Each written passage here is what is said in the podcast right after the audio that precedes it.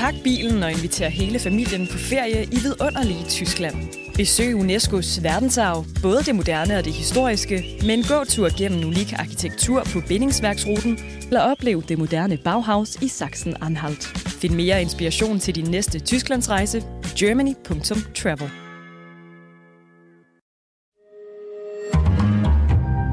Berlingske. Er jo ingen politikere i det her land, der reelt har missioner. Magtafgangse, siger jeg bare. Priserne stiger og stiger og stiger. Hvad gør vi ved det? Jeg er så træt af at høre på alt den spil. Det burde være et korps ombudsmænd, der holdt Det øje. giver ingen mening. Velkommen til en af de fine københavnske salonger. Velkommen til en øh, salon, hvor jeg lover, at vi virkelig skal nørde og salonsladre om den nye regering. Hvem er bedre til det end øh, to tidligere insider fra det politiske liv, Søren Pind og Tine Avervig Hugenberger? Velkommen i Østergårds Salon.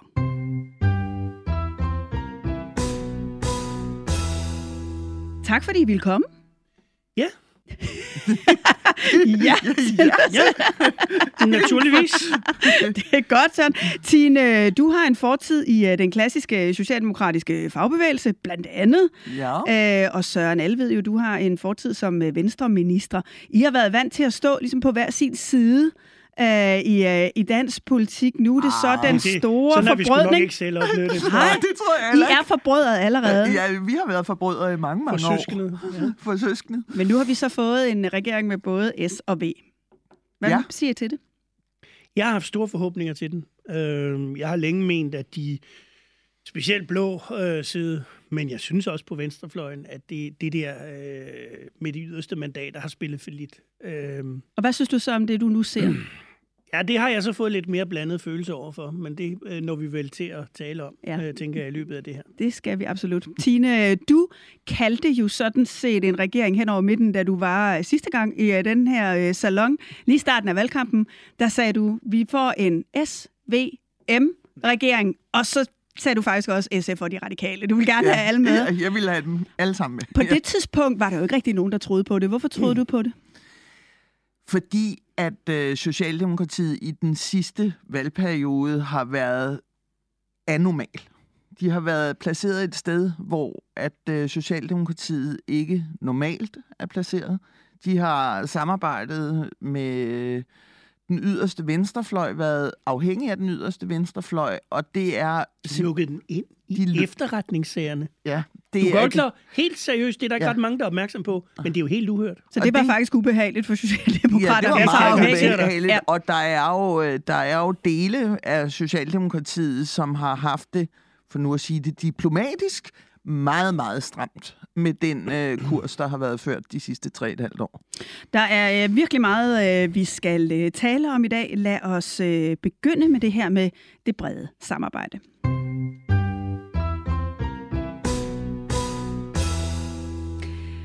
Da Mette Frederiksen og Jakob Ellemann Jensen og Lars Lykke præsenterede regeringsgrundlaget onsdag, så var der et ord, der gik igen. Arbejdsfællesskab. Øh, Vi er et, et arbejdsfællesskab. I et arbejdsfællesskab. Et arbejdsfællesskab. Altså arbejdsfællesskab. Når vi siger, det er et arbejdsfællesskab. I virkeligheden, det er arbejdsfællesskab. Men vi er et arbejdsfællesskab. Arbejdsfællesskab, arbejdsfællesskab, arbejdsfællesskab. Ja. Hvordan forstår I det? Nå, men det er jo en hilsen til Claus Hjort doktrin. Altså, det er jo endnu en hilsen til fortiden. Og jeg øh, har sådan en speciel tilgang til den, fordi jeg stod i New York med Pia Kærsgaard den dag Claus Hjort var ude at sige, at der bestod et værdifællesskab imellem Dansk Folkeparti og Venstre. Ja. Og hun blev rasende. Hun blev nemlig meget, meget vred, hvor øh, Hjorts udtalelse selvfølgelig var myndet på at fedte for Dansk Folkeparti. Så blev hun vred, fordi hun jo synes, at man skulle være hver sin, fordi det gav mere. Mm. Øhm, så, så det er jo en hilsen til det, øh, og den diskussion, det afsted kom, at her, der taler vi ikke om værdifællesskaber. Det her, det er en regering, der har defineret en opgave, der ligger foran, det vil sige reform, mm. øh, styrkelse igen af det politiske element frem for yderfløjene. Det, det, det, og jeg synes sådan set, det, det smiler jeg lidt af. Det er vel også, altså jeg tænker også, at det er sådan et, det er netop ikke et ideologisk fællesskab. Nej. Der ligger et ret detaljeret arbejdsprogram ind, get the job done, ud igen. Eller hvad tror du, Tine? Nej, men jeg tror, at det her det kan blive et langvarigt fællesskab. Ja. Hvorfor? Øh, fordi at øh, Jeg tror sådan set ikke, at problemerne, de såkaldte kriser, der ligesom legitimerer det her, øh, bliver mindre i de kommende år. Tværtimod, faktisk. Øh, og så jeg tror, det kan blive et meget langvarigt fællesskab. Øh, og det, øh, det har jeg det rigtig godt med. Du tror ikke, der er sådan en exit-strategi for partierne allerede om, nu skal vi ind, og så skal vi ud og lave for eksempel et rigtigt borgerligt projekt, hvor Jakob Ellemann kan stå i spidsen og blive statsminister? Mm. Jeg, jeg deler den. Øh, altså, det er en mulighed. Ja. Øh, men der er selvfølgelig også ting i regeringsgrundlaget, som gør mig, som gør mig lidt i tvivl, om det virkelig kan øh, ende der. Fordi jeg er sådan set Det er jeg enig... meget spændt på at høre, hvad Ja, er. men det sker nok. Ja. Men, men det er jo mere det her med, at, at hele den der ideologiske tilgang, øh, har man jo slippet kanterne af på igennem mange, mange år. Altså, Mm. det at være venstremand i dag er ikke det samme, som det var for 30 år siden. Det er det heller ikke, det at være socialdemokrat. Nej. Øh, og reelt set er det jo de tre magtpartier i dansk politik, som er gået sammen. Øh, polemisk kan man definere et magtparti, som Nick Hækkerup har gjort det. Det er jo det her med, at man har nået at have alle holdninger til det samme øh, problem. øh, og, og det er jo konditionen for at være venstremand, for at være Er socialdemokrat det i magt, eller er det populisme? Er det... Nej, men det er jo mere det med, at man forholder sig til problemstillingen, og så løser man med det med de forhåndværende øh, muligheder. Altså, øh, man, man lader ikke ideologi stå i vejen for løsningen. Altså, mm. Så det er jo den elskværdige udlægning, den uelskværdige er den principløsheden. Ikke? Altså, det kan du sige. Og der, der får jeg lykke sig jo sådan set udmærket til i den række af ting. Og det tror jeg sådan set kan passe meget godt til den tid, vi, vi, vi er i. Og jeg tror, hvis det nogensinde, eller når det ændrer sig, så vil det ske det, at enten til den røde side, eller til den blå side, så vil de respektive have fundet et projekt, hvor man kan ringe, løfte telefonen og enten ringe til Mette Frederiksen eller til Jakob Ellemann og sige, nu er vi klar, og vi har også projektet, øh, vi har også brug for dine stemmer, kom og vær med, du bliver selvfølgelig statsminister. Jamen, jeg, jeg tror faktisk, at der er jo rigtig mange, som siger, jamen det, at vi har fået en flertalsregering og hen over midten, det kommer til at styrke yderfløjene. Det er jeg ikke sikker på. Det tror jeg simpelthen ikke på. Jeg, er i- og især når vi nu kigger på detaljegraden i regeringsgrundlaget, jeg tror, der vil ske det, at hvis de lykkes med det her projekt, og det mm. håber jeg vidderligt, de gør, øh, og folk får en opfattelse af, at det godt være, at alle problemer ikke bliver løst over natten, det kan de ikke, men folk får en opfattelse af, at vi er på rette vej. Det fungerer. Det fungerer. Danskere er men... i deres grundessens et pragmatisk folkefærd, og de har det simpelthen sådan, hvis det virker, hvis, det, hvis de har følelsen af, at det virker, og at problemerne, der bliver taget hånd om problemerne, så er de fløjtende ligeglade. Men noget af det, der har været argumentet for, at man skulle have fløjne med, altså at man udfordrer, øh, og man får nogle nye idéer til at spire, at man ikke bare ligger inde på midten, hvor pragmatismen ligesom kan regere, og hvor det på en eller anden måde vel også bliver en mere teknokratisk løsning. Altså jeg tænker, i forhold til Socialdemokraternes historie, øh, så har de brugt øh, de seneste år på ligesom at komme væk fra det der koridonske nødvendighedens politik, og det, der ligger på bordet nu, det er vel nærmest sådan en teknokratløsning, hvor det er embedsmændenes beregninger, der kommer til at være styrende for, hvad det er for nogle blandt andet reformer, vi skal Men have. det vil jo også klæde dansk politik ganske overordentligt, hvis vi får lidt fakta ind på bordet frem for alle de der følelser. Altså, øh, det er... Altså, jeg kan jo ikke lade være med at grine, og det, nu er jeg jo... øh, Jeg er ikke et større menneske, inden jeg kan lade være med at, ikke kan lade være med at grine, når vi nu alle sammen taler om, nu kommer vi tilbage til Thorning Schmidt, Corridon-æraen mm. og så videre, så videre. For du har jo fuldstændig ret. De har brugt tre et halvt år på at Det skulle ikke være embedsmændene, der skulle styre og så videre, noget, og, så og man skulle videre, have stærk videre. politisk Men styring. det, mit, det, der bare er mit udsagn, det er, nu er vi tilbage til normaliteten. Vi er tilbage til normaliteten, fordi det har altid ligget i... Det er derfor, jeg er socialdemokrat. Det er det der med at tro på, at det godt være, at det tager mange skridt, men det er små skridt, der bevæger samfundet fremad. Og det er Socialdemokratiets grundansvar. Det ligger i vores grund-DNA, at vi hele tiden skal bevæge os fremad. Men vi har også fået et regeringsgrundlag, som jo er ret langt fra det, Socialdemokraterne gik til valg på. Altså, der er blandt andet øh, øh, langt flere reformer, der er skattelettelser og alt muligt andet. Søren, øh, har man i virkeligheden fået en regering ved hjælp af Socialdemokraterne, som kan føre mere borgerlig politik, end hvis man har haft en ren blå regering?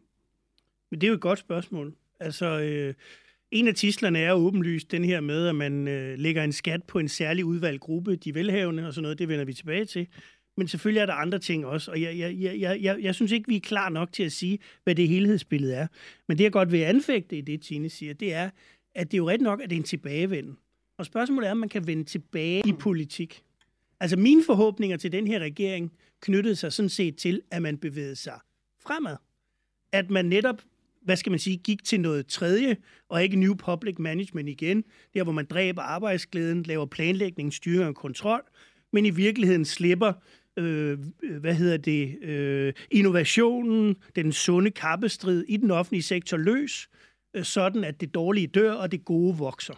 Og, og det, det, det er jo der, jeg bliver bekymret, når jeg ser dele af regeringsgrundlaget. For eksempel øh, det her med det her pres for at få de unge hurtigere, endnu hurtigere mm. igennem uddannelsessystemet. Vi kommer lige jeg troede simpelthen, til, vi var blevet øh, klogere. til selve regeringsgrundlaget, men, men det der jo også har været en af kongstankerne om at få samlet øh, inde på midten, det er, at man har faktisk nogle ret store baglande repræsenteret. Man har mm. landbruget præsenteret, man har fagbevægelsen, man har erhvervslivet. Mm. Tine, når du ser på det her regeringsgrundlag, hvad, hvad er stemningen i fagbevægelsen sådan bag linjerne?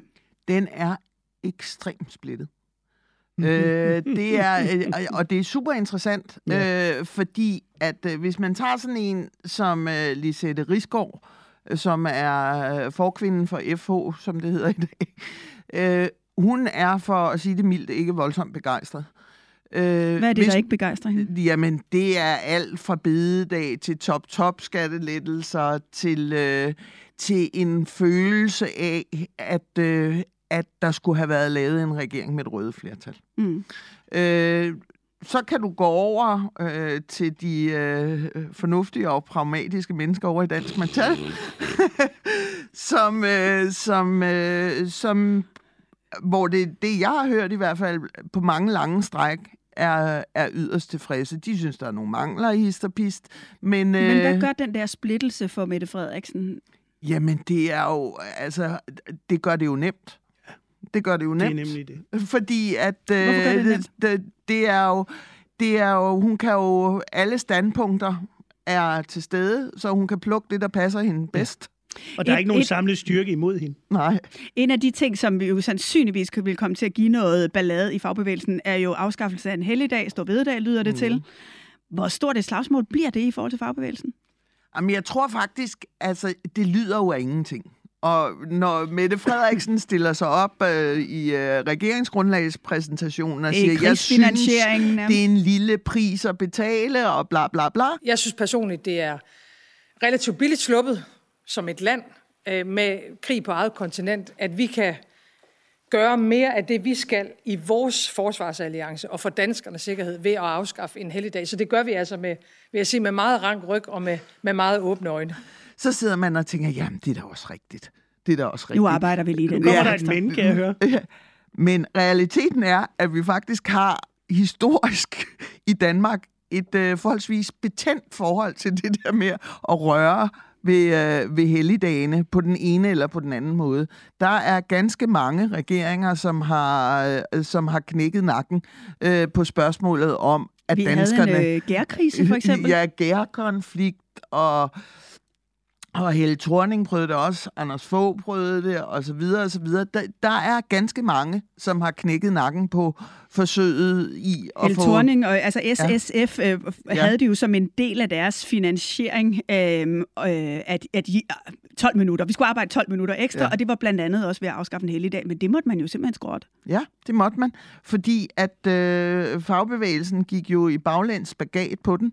Øh, og øh, selvom man mente, man havde afklaret det både med SF og de radikale og så videre undervejs, så havde man nok ikke helt afklaret det alligevel, da, da stormen begyndte at blæse. Og, og det gjorde den jo ganske voldsomt. Det bliver interessant at se. Søren, øh, Venstrebaglandet. Hvad er rysterne derude på, hvordan man tager imod det regeringsgrundlag og, og den ministerliste, der nu har materialiseret sig? Det kommer jo helt an på, hvem af venstrefolkene, du spørger. Altså, der, det er jo lidt det samme billede. Du kan sige, de organiserede venstrefolk, og langt ind i dansk landbrug, altså det organiserede danske landbrug, de er tilfredse. Hvorfor det? Ja, det er jo fordi, øh, dels har de nu set prisen på grisen, og dels ved de, at de får flæsk. Altså, og det øh, skal du jo ikke stille mange gange foran en venstremand, før han er glad. Øh, er det indflydelsen? Er det konkret med CO2-afgiften, der skal tilbage til I landbruget? landbruget eller er det meget høj grad øh, det her med, at nu behøver man ikke at frygte, at erhvervet bliver lagt ned af enten det radikale venstre eller enhedslisten i, i forening. Nu ender det med, at man finder en løsning, øh, som der øvrigt vil være bred politisk forankring for, og det er jo det, der interesserer dem på en eller anden måde. Øh, og så er der de organisatoriske venstrefolk, de kan godt lide, at, øh, at øh, Venstre sidder med, præger det, og, og, og har jo nogle forhåbninger til øh, en række af de reformer, som er varslet. Og det er jo der, hvor måske konflikten kan opstå. Altså, mm. der, bliver det en tilbagevenden til det gamle, eller er hele den der udvikling af den offentlige sektor noget, som faktisk altså hvor der faktisk kommer til at ske noget. Så derfor er der nogen, der lige sidder lidt på gaden og venter. Lad os øh, springe videre til at tale lidt om regeringsgrundlaget.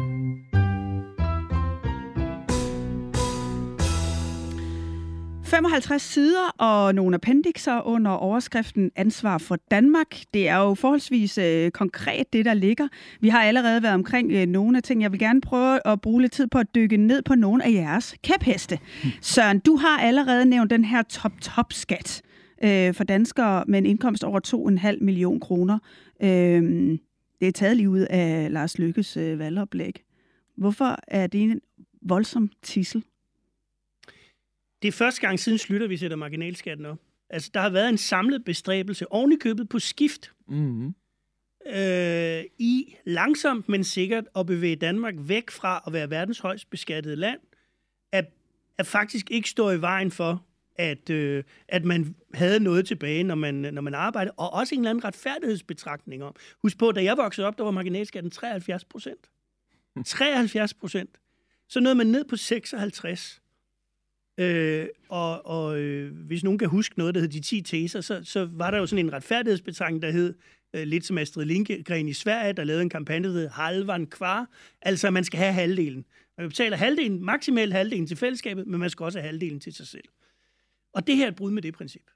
Og det, jeg sådan hæfter mig ved, det er, jeg har meget vanskeligt ved at se, at hvis Venstre havde sagt, at det ville man ikke være med ved, til at det her så var brudt sammen. Det tror jeg simpelthen ikke på. Så du synes ikke, de har stået hårdt nok på at undgå det? Nej, men jeg, jeg, jeg kunne enormt godt tænke mig at forstå, hvorfor man ikke bare har sagt, det vil vi ikke. Men er det ikke prisen for så at få øh, altså, virkelig mange skattelettelser? Du får hævet beskæftigelsesfradraget, du får hævet øh, topskattegrænsen, så får vi en mellemskat ind.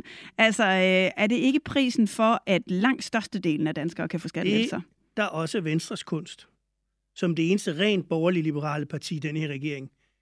Det er også, og det er jo også lidt det, Tine siger, det her, hvis det skal være langtidsholdbart, så skal man også have nogle værn imod den anden side.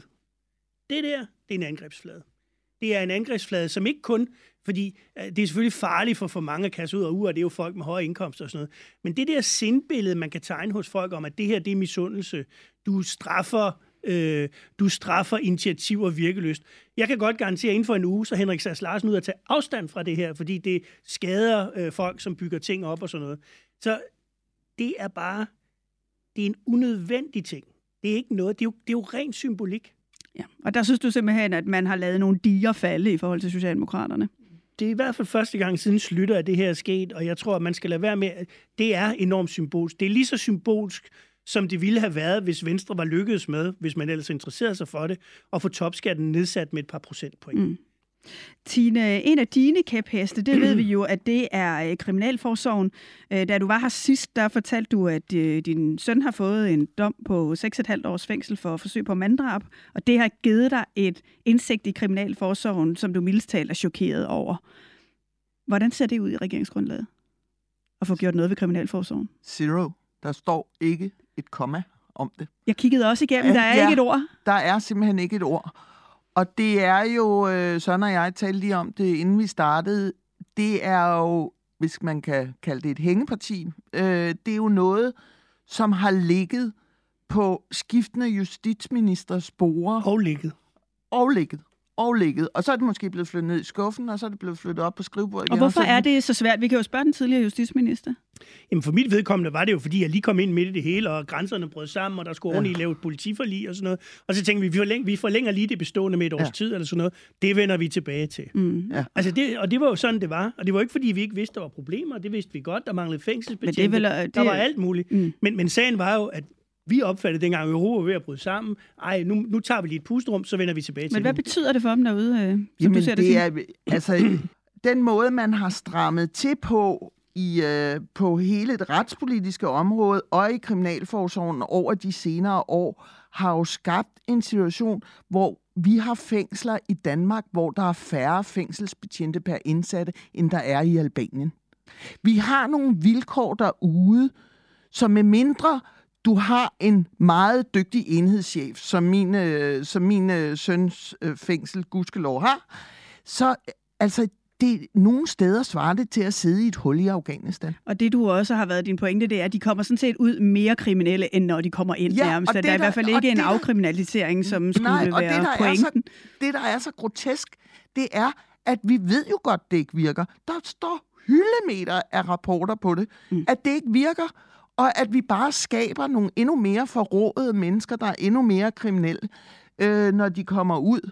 Det står der ikke et komma om i det der regeringsgrundlag.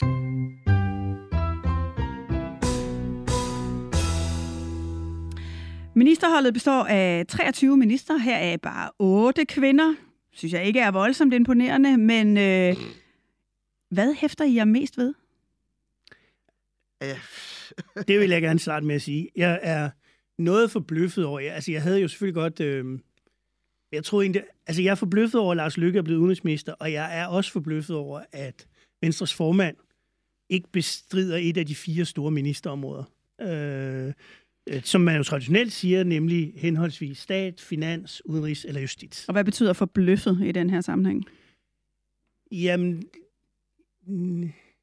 jamen det, det betyder jo, at uh, hey, uh, I'll give it the benefit of the doubt. Men for mig at se, det der selvfølgelig er bekymring, det er, her taler vi om en reformregering, hvor partiledelserne, eller partilederne, et eller andet sted må forventes at skulle være drivende, for ellers bliver det business as usual. Men de har valgt to ministerier, hvor de er meget ud af landet. Og, og, og ikke har fingrene i driften. Og derimod har de sat løjtnanterne til at varetage driften, og jeg tror bare meget af det, vi snakker om, der vil spørge... Altså, everything is in the detail. Det er jo også derfor, jeg var... Men hvorfor jeg, i alverden har Jacob Ellemann så valgt Forsvarsministeriet, som jo traditionelt set Jamen, ikke er et af de stærke men, men det ministerier? er vel formodentlig fordi, at der har han tænkt, det her, det ved jeg, jeg kan. Øh, her, jeg er gammel soldat, det interesserer Men mig. du tror ikke på, at det er Og på den måde, jeg man også- får magt ind i et øh, koordinering, altså det vil i jeg, en, det vil en jeg, øh, øh,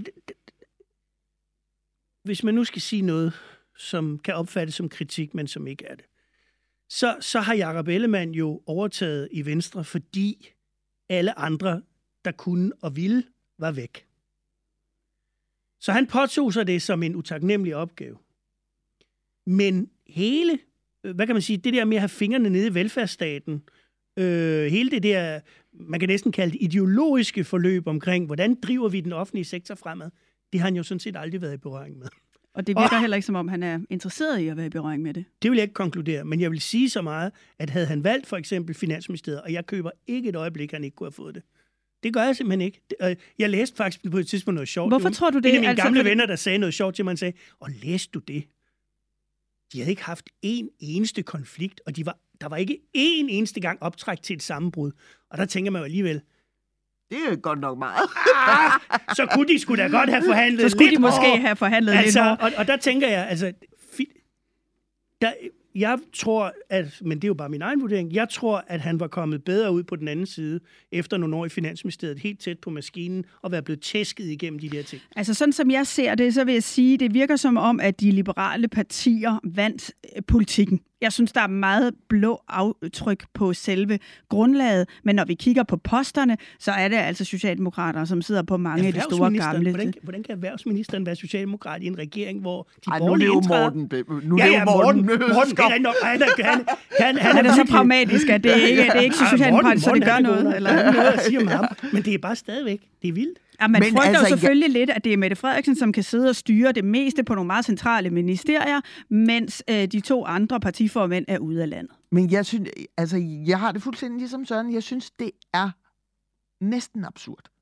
Også fordi, at jeg synes faktisk, Lars, og jeg, jeg vil godt kritisere, jeg synes faktisk, Lars Lykke mister legitimitet på at have valgt. Han havde næsten lovet os, det havde han ikke. Jo, han havde lovet os, at Til han mente, og sådan noget. at han havde lovet os, at han mente At han mente, at han ville reformere Ja, ja, Han havde velfærdssamfundet. lovet os, at han mente det. Det er et meget ja. godt udtryk. Ja, Og hvad så? Og, det, og nu synes du, han øh, løber fra, prø- øh, fra det, pladsen? det, eller jamen, hvad? fordi vi ved jo, at når du sidder i Udenrigsministeriet, du har i gennemsnit 200 rejsedage om året. Hvordan, øh, Det var for, det. Tak for det. I'm out of here.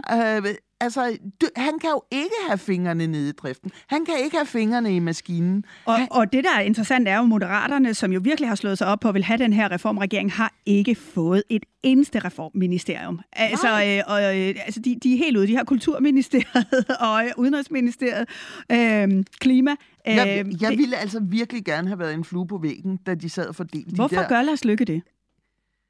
Ja, det er... Skal han bare være ned og være EU-kommissær? Det er der simpelthen ikke nogen, der tør svare på. Nej, men det ved man jo ikke. Altså, jeg vil da godt øh, sige så meget, at det er da klart, at indtil for nylig, så verserede det rygte, at det, det handlede om, og det, der også havde været snakken blandt de borgerlige, og man havde lagt frem for ham, hvis han ville tilslutte sig de borgerlige, det var det, at han kunne blive udenrigsminister, og så kunne han blive kommissær. Ikke? Og det havde han jo afvist rimelig øh, bestandt. Øhm, og nu står vi så her, og vi, ved- det, det, han, han, vi ved det ikke, vel? Nej. Og det, det, det er mere det, jeg synes, man skal hæfte Men det er i hvert fald ret langt fra det, der var kernen af hans projekt. det man i hvert fald kan sige, det var, at vi var mange, der øh, så det her og tænkte, jamen det kan sgu godt være, at han virkelig mener, at han faktisk vil være med til at reformere det danske velfærdssamfund. Vi skal også lige tale om nogle af dem, som er øh, blevet øh, degraderet. Altså en øh, Mathias Tesfaye, som sad i Justitsministeriet, øh, bliver taget ud af det. Peter Hummelgaard kommer ind. Er det sådan en, øh, er det også vink med en vognstang om den øh, kronprinserækkefølge, der er ved at tegne sig i Socialdemokratiet, at vi godt ved, at Justitsministeriet er sådan et sted, hvor man kommer i skole til øh, måske en dag at stå i front for et, øh, for et parti. Mette Frederiksen har selv siddet der. Altså, Justitsministeriet er jo måske øh, sådan rent sagsmæssigt det hårdeste ministerium overhovedet. Sammen med finans. Ikke? Jo, jo, men du får... Altså, når du møder ind som justitsminister... Ja. Du starter om morgenen, Du starter så skåler morgenen- du ja, lort hele dagen om ja, ikke? du Og så er der sådan set nogenlunde rent, når du går hjem. Og så møder du op igen næste dag, så er der sgu fyldt igen. Ja. Så det er, det er mesterlægerkontoret. Mm. Øh, det må man sige. Hvis du kan klare det, så kan du klare det meste. Og det skal vi så se, om, om, om Hummelgaard kan leve op til. Så er der jo en flok socialdemokrater derude, fordi nu skal der også være plads til andre partier i uh, regeringen. Øhm, og øh, man må sige, at hun har fået ryddet ud i alle de svage led. Alle dem, der havde dårlige sager, er ude. Øh, Rasmus Prehn, som jo har kæmpet med bilagssager, vi må ikke vide, hvem det er, han spiser frokost med, øh, er ikke længere minister. Jeppe Kofod, som jo ikke blev genvalgt til øh, Folketinget, og jo har haft sådan en gammel MeToo-sag hængende over sig. Astrid Krav, som er blevet kendt for at tage selfier. Så var der Bremsen, som smadrede forsvaret og øh, FE. Øhm, og Lea Wermelin, som gerne vil øh, flyve øh, rundt i øh, landet, for, og særligt til Bornholm, for offentlige Det kroner. er nu også et dejligt sted. De er ude. Og det, det var- er vel har også de- sådan en belejlig nogle, måde. At skiftet rundt, selvfølgelig. Det er vel sådan en belejlig måde at slippe af med nogle af de svageste led for Mette Frederiksen. Ja, selvfølgelig er det det. Og det er jo også... Øh, øh, det er jo helt på sin plads. Det skal enhver leder gøre, når muligheden er der. Så, øh, så enten skal man skabe muligheden, eller også så får man den, og så skal man... Hun har, jo været, hun har jo været meget sparsom med at afskedige ministre. Det har hun. Og derfor øh, har hun opbygget en loyalitet og plads til at gøre det, og det har hun så gjort.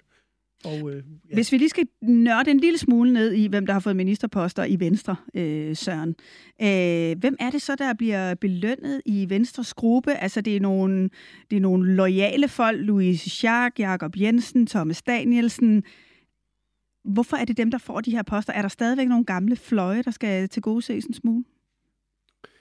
Det er faktisk et godt spørgsmål, øh, fordi øh, det kan jeg faktisk ikke svare dig på. Jeg, jeg har studeret den der liste, og jeg har tænkt, det er så nominelt Venstre syv bedste folk.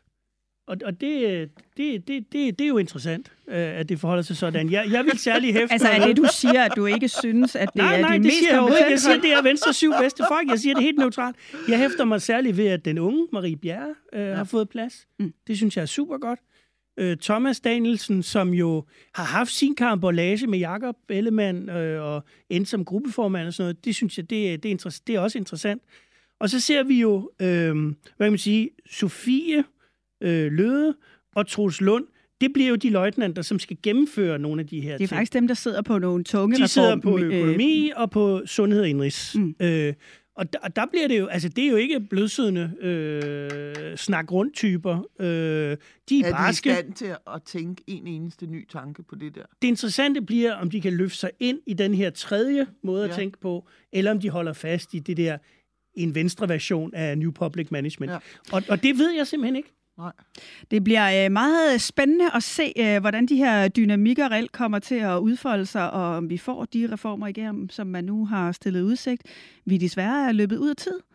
Øh, den dame, Tine Auervig Hugenberger, og den herre Søren Pind, tak fordi I ville komme. Værsgo. Det var en fornøjelse. Jeg hedder Mette Østergaard, producer var Josefine Maria Hansen, og inden øh, vi slutter helt, så skal jeg huske at sige, at vi laver en ny omgang Østergaards Salon live den 12. januar, hvor vi får besøg af Emma Holten, Aminata Amanda Kår og Steffen Hjaltelin.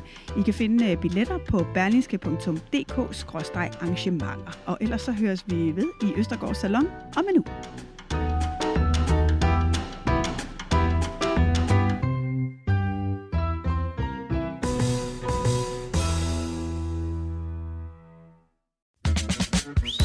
Tag på en tidsrejse gennem UNESCO's eventyrlige kulturarv og oplev magien i Bremens gamle bydel, Lübecks historiske gader, eller kom med ned under jorden i den gamle Rammelsbergsmine i Niedersachsen. Find mere inspiration til din næste Tysklandsrejse på germany.travel.